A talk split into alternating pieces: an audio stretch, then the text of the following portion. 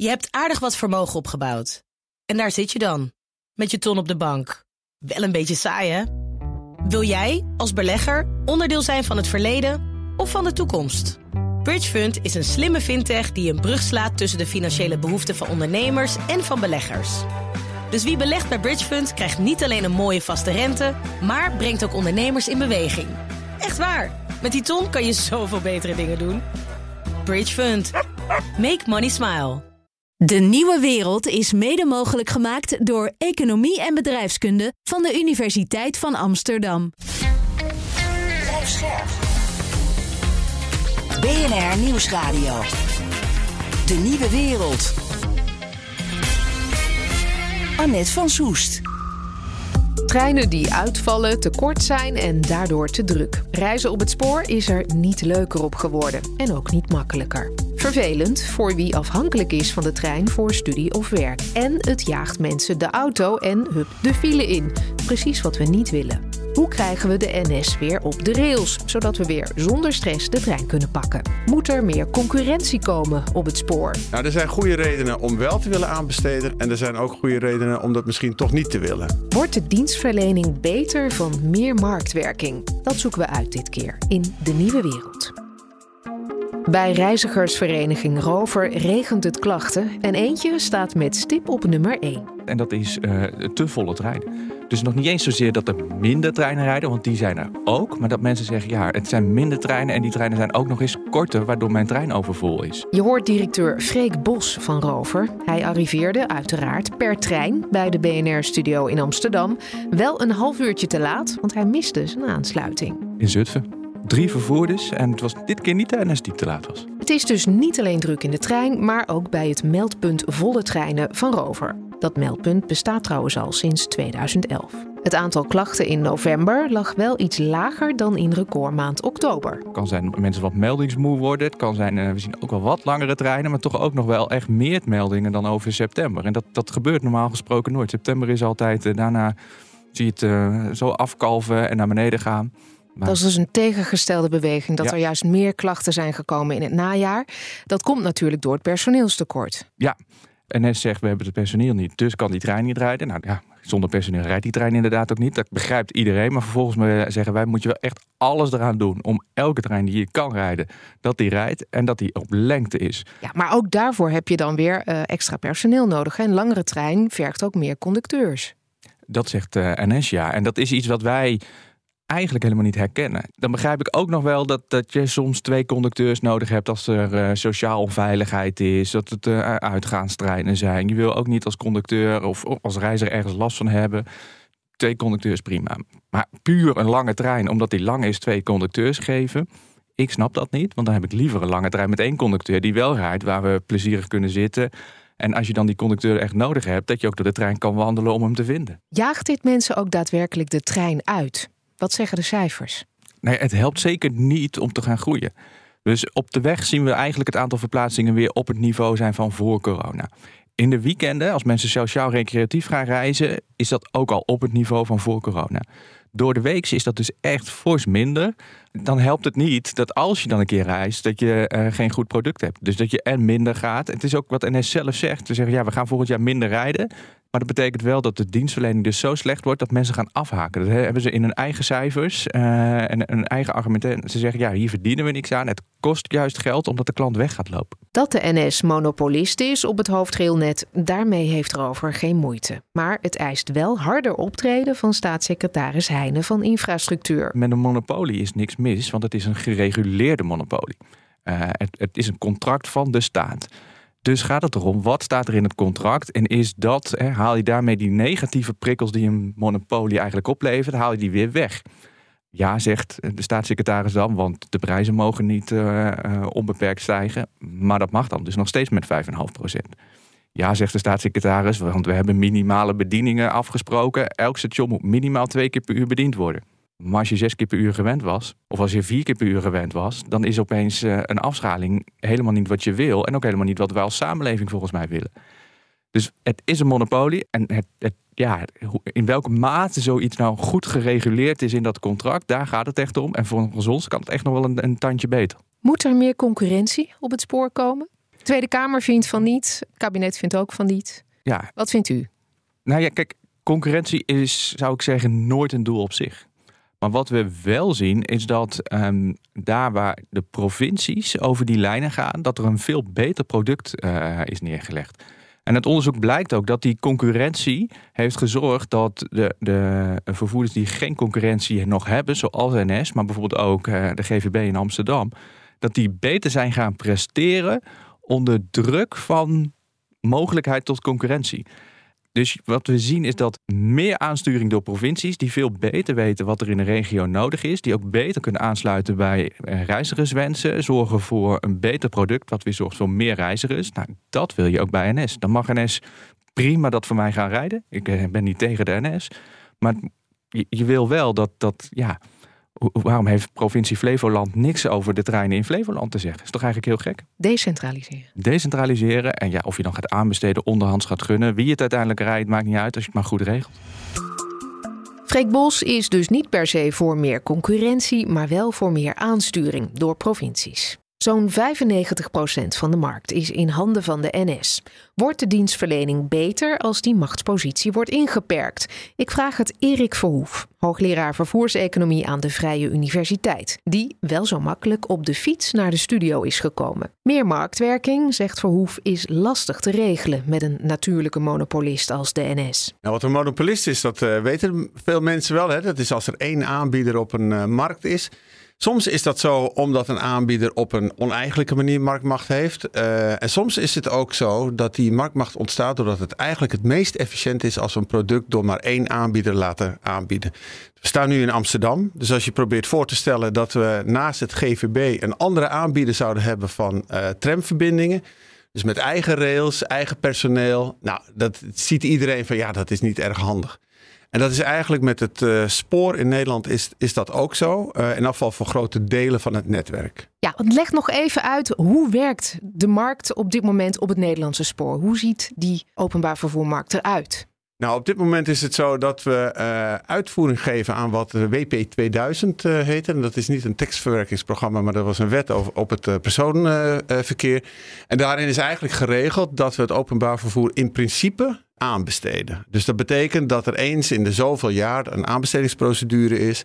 En dat eh, verschillende bedrijven die dan geïnteresseerd zijn om eh, dat eh, openbaar vervoerproduct aan te bieden, dat die in biedingen kunnen aangeven hoeveel geld ze daarvoor zouden willen hebben, hoe ze het zouden willen doen enzovoort. Dat hebben we op bepaalde delen van het openbaar vervoerssysteem in Nederland doen we dat ook zo.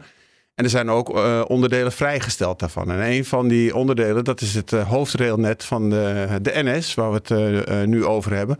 Maar bijvoorbeeld ook het GVB hier in Amsterdam heeft geen aanbesteding hoeven doen om nou, te mogen blijven aanbieden. Waarom is dat eigenlijk? Waarom hebben die een uitzonderingspositie? Nou, er zijn goede redenen om wel te willen aanbesteden. En er zijn ook goede redenen om dat misschien toch niet te willen. En soms overheersen die laatste. En dan kun je bijvoorbeeld denken aan vragen als... Stel nou dat iemand anders het wint. Dus als iemand anders het hoofdrailnet in Nederland zou mogen aanbieden. Wat gaat er dan gebeuren met al het materieel van de NS? Eh, Alle treinen. ja, alle treinen. Waarschijnlijk willen we niet dat dat gaat staan roesten ergens tot de NS over een jaar of 10 of 15 misschien weer een keer wint.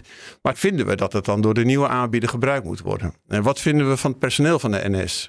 Volgt ontslag?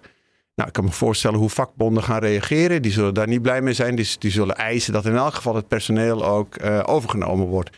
En zo zijn er heel veel overwegingen waarvan je kan voorstellen van ja, je kan wel eh, een beetje makkelijk zeggen marktwerking, aanbestedingen en dan krijgen we de beste aanbieder. Maar bijvoorbeeld om dit soort redenen, als het eigenlijk heel lastig is om je voor te stellen wat een nieuwe aanbieder dan eigenlijk echt nieuw zou kunnen doen en wat hij zou moeten overnemen van de vorige aanbieder, ja, dan is het nauwelijks de moeite waard. Want als ik eh, de NS eh, zou overnemen, zo gezegd, met al het personeel en met al het materieel en met alle hoofdkantoren, wat kan ik dan nog eigenlijk nog beter doen dan de NS? Dus wat is dan nog de winst die je uit marktwerking kan halen? En als de afweging zo is dat de inschatting is van ja, eigenlijk kun je er minder mee winnen dan dat je ermee verliest, dan kan het beter zijn om niet die aanbesteding te doen. Het kabinet wil het ook niet, hè? Uh, openbaar aanbesteden. Een meerderheid van de Kamer wil het niet. De NS wil het niet, uiteraard. En de vakbond ook niet.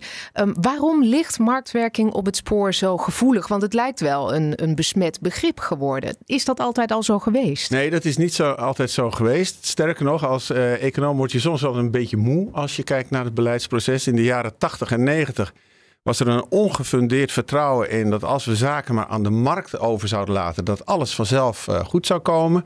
Dus dan kun je aan heel veel sectoren denken. Nou, zorg, energie, telecommunicatie, openbaar vervoer. En op dat moment waarschuwden economen, en die waren niet heel origineel, want die keken ook naar theorie die al honderd jaar of langer bestaat, op allerlei mogelijke vormen van marktfalen. Als je dat uh, uh, zomaar aan de markt overlaat. En nu lijkt het net alsof het is omgeklapt. Alsof alles wat, uh, waar het woord markt in staat, dat het besmet en dat het fout is. En ja, en je hoort uh, steeds meer mensen eigenlijk pleiten voor, nou de overheid moet het maar gaan doen. We hoorden dat laatst natuurlijk ook bij de... energiemarkt? Ja, bij de energiemarkt. En dat is ook niet de oplossing, want dan heb je weer een ongefundeerd vertrouwen in dat de overheid alles heel goed kan doen. Dus de redenen waarom we in de jaren 80 en 90 wat afstand wilden nemen van de overheid als, nou, als bedrijf, ja, die redenen bestaan natuurlijk altijd nog. Alleen ze zijn nu een beetje vergeten, omdat het wat langer geleden is. Dus ik vergelijk het wel eens met de pendule die wat heen en weer slaat. En jaren 80, 90 zaten we veel te veel, uh, of tenminste we, uh, beleidsmakend Nederland, uh, veel te veel in de, in de groef van marktwerking is goed. En nu veel te veel voorzichtig te voorzichtig, want concurrerende vervoersbedrijven proberen op dit moment via de rechter inderdaad die markt open te breken. De Europese Commissie heeft ook al gedreigd met een rechtszaak tegen Nederland als het spoor opnieuw onderhands wordt gegund aan de NS. Slaan we nu te ver door? Nou, ik denk dat het heel goed is dat we, die, en dat is in feite ook wat Europa zegt, hè, van je mag het niet zomaar onderhands uh, gunnen. Je moet er een goede onderbouwing voor hebben. En dat lijkt me ook heel verstandig. Dus als het zo is, en ik ben geen jurist hoor, maar als het zo is dat het Nederlandse kabinet te makkelijk over dat soort procedures heen stappen. Dus te makkelijk zegt van nou, hup, we gaan verder met de NS. Zonder goed te kijken of er wel een argumentatie bij is. Dan kan ik me voorstellen dat uh, Europa zegt van nee, dan moet je beter naar kijken. En de overwegingen zijn natuurlijk dat als we binnen Europa hebben besloten, of je het nou als kiezer daar wel of niet mee eens bent, maar als we hebben besloten dat uh, openbaar vervoerbedrijven over en weer ook moeten kunnen uh, bieden op aanbestedingen. Ja, dan zou het heel raar zijn als de NS wel in het buitenland uh, diensten zou mogen opzetten. Dat hebben we natuurlijk ook gedaan. Hè? De, uh, in Engeland is een goed voorbeeld waar uh, de internationale tak van NS ook concessies heeft gewonnen. Ja, dan is het wel heel, heel raar als we zeggen van andersom mag het niet. Ja, dus maar dan loop je wel een risico natuurlijk als je wel zo'n openbare aanbesteding doet. Maar je ziet het eigenlijk niet zitten. Dat je dan van tevoren al beslist van nou, we laten ze wel meedoen, maar we kiezen toch voor de NS. Ja, die kans is heel groot. En ik denk dat die kans ook om goede redenen groot is. Juist om de, de, de overwegingen uh, die, nou, die we net ook al een beetje uh, bespraken.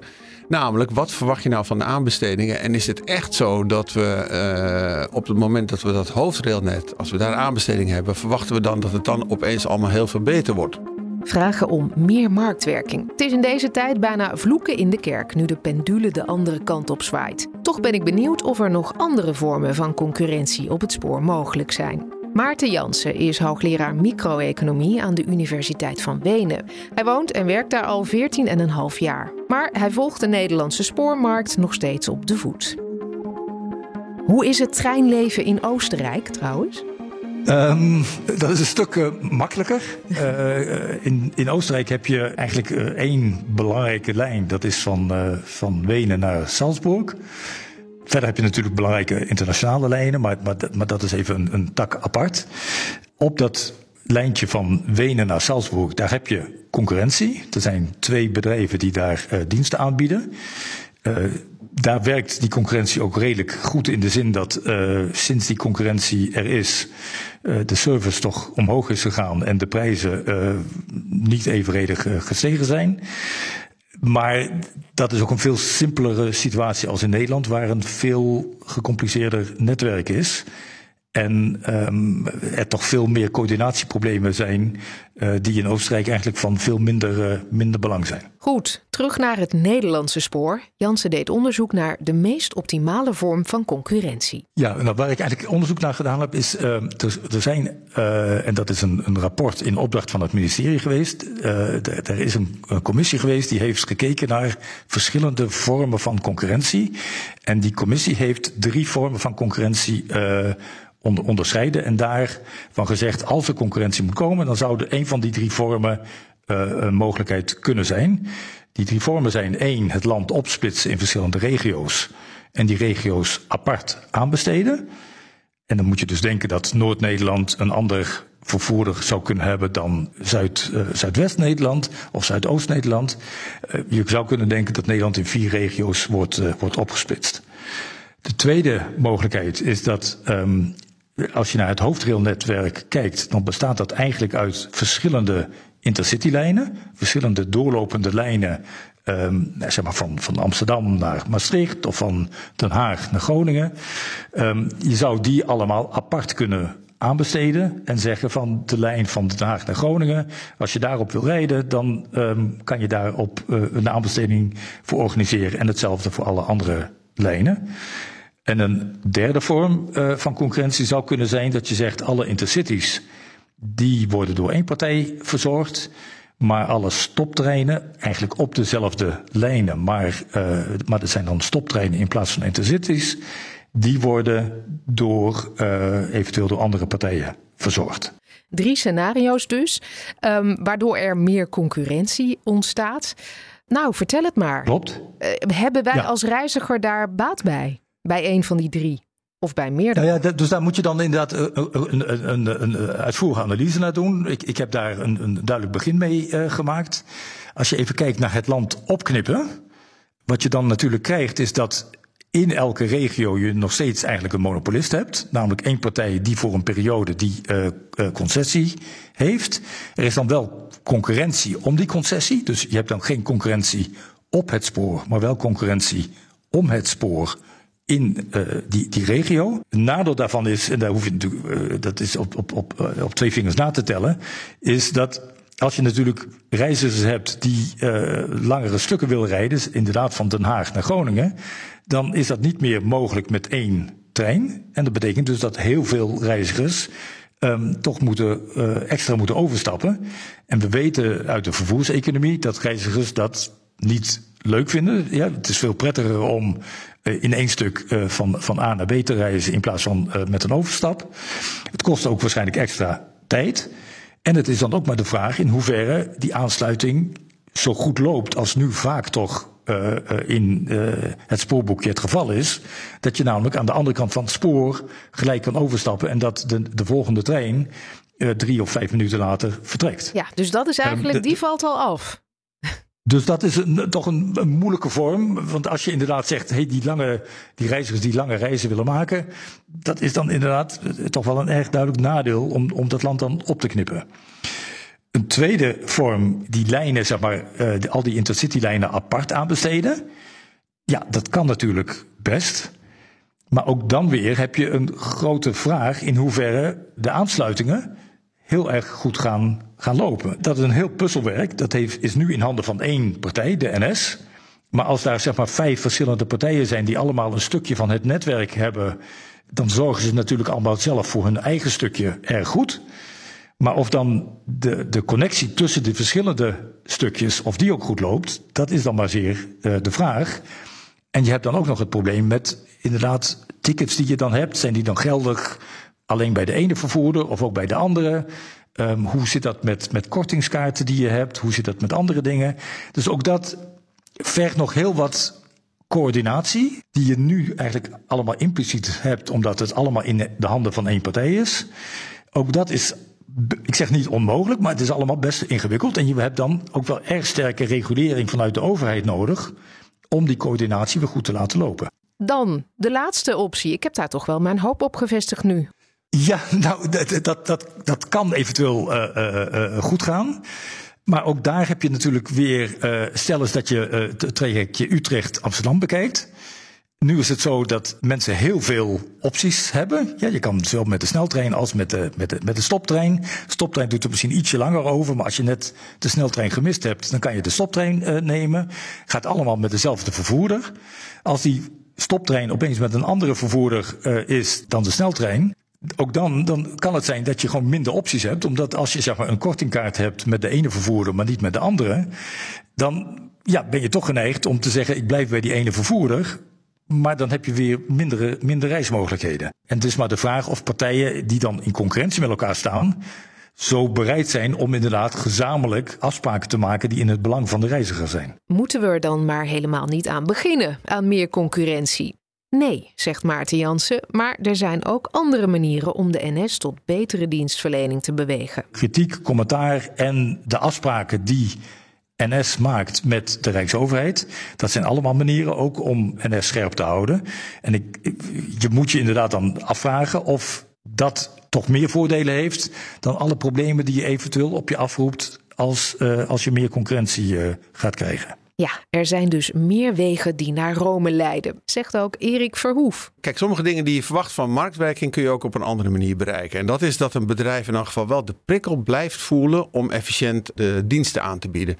Dus een van de dingen die denk ik heel goed is in Nederland, is dat in elk geval die tussen aanhalingstekens dreiging, dat als de NS het niet goed doet, dat er dan toch echt een moment kan komen dat er wel aanbestedingen komen, dat die blijft bestaan. Dat lijkt me heel goed. Het lijkt me ook heel goed als vanuit uh, het ministerie uh, met de NS wordt overlegd over wat wordt er verwacht, uh, welk niveau van dienstverlening. Denk aan punctualiteitscijfers, klanttevredenheid. Maar die afspraken zijn er nu toch ook al? Ja.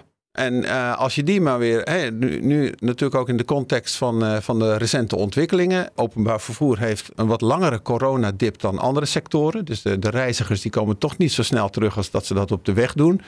Uh, daar moet je rekening mee houden. Arbeidsmarkt, dat uh, treft het openbaar vervoer, lijkt het in elk geval harder dan uh, sommige andere sectoren. Nou, daar moet je begrip voor hebben, denk ik. Maar we moeten ook niet achterover zitten en erop hopen dat de NS dat vanzelf goed doet. daar hoort ook bij dat je, nou, dat je zo'n bedrijf ook prikkels geeft. Ja, prikkels die de NS ook pijn doen. Maar het is een staatsbedrijf. Ja, en dat maakt het inderdaad heel lastig. Uh, dat hebben we in dat Vira-debakel ook gezien natuurlijk. De NS kon een idioot hoog bod uitbrengen, omdat uiteindelijk, uh, ja, het is geen privaat bedrijf. De, de aandelen zijn in handen van het ministerie, van het ministerie van Financiën. En dan maak je dit soort gedrag ook mogelijk. Dus je moet ervoor zorgen dat je dat uh, minimaliseert. En ja, dat betekent dat je ook wel goed moet nadenken voor hoe kun je zo'n organisatie dan blijven prikkelen. Uh, het heeft in elk geval te maken met het feit dat die prikkel uiteindelijk ook moet terechtkomen bij het management en bij het personeel. En Hoe doe je dat dan? Dat is, nou, het moet geen afrekencultuur worden. Maar het, het, moet wel zo zijn dat als een bedrijf goed presteert, dat het management en het personeel dat ook inderdaad merkt. Je moet ervoor zorgen dat goede prestaties beloond worden en slechte prestaties, uh, zonder dat het een afrekencultuur wordt, dat moet uiteindelijk natuurlijk consequenties hebben. Ja, geef eens een voorbeeld. Nou, voor een, uh, voor een management in elk geval kan dat betekenen dat het, uh, dat het uiteindelijk leidt tot een nieuw management. Prestatiebeloningen voor het, voor het personeel, dat hoort daar misschien ook bij. Ga er maar eens over nadenken, want hoe we het nu hebben gedaan, dat is overduidelijk niet goed. Wij zijn gearriveerd bij het eindpunt van deze aflevering. Ik hoop dat u een fijne reis heeft gehad. Volgende week dinsdag is de nieuwe wereld er weer. En dan kijken we naar de lonen. Wat als die automatisch meestijgen met de inflatie? De nieuwe wereld is mede mogelijk gemaakt door Economie en Bedrijfskunde van de Universiteit van Amsterdam. Je hebt aardig wat vermogen opgebouwd. En daar zit je dan, met je ton op de bank. Wel een beetje saai, hè? Wil jij, als belegger, onderdeel zijn van het verleden of van de toekomst? Bridgefund is een slimme fintech die een brug slaat tussen de financiële behoeften van ondernemers en van beleggers. Dus wie belegt bij Bridgefund krijgt niet alleen een mooie vaste rente, maar brengt ook ondernemers in beweging. Echt waar, met die ton kan je zoveel betere dingen doen. Bridgefund. Make money smile.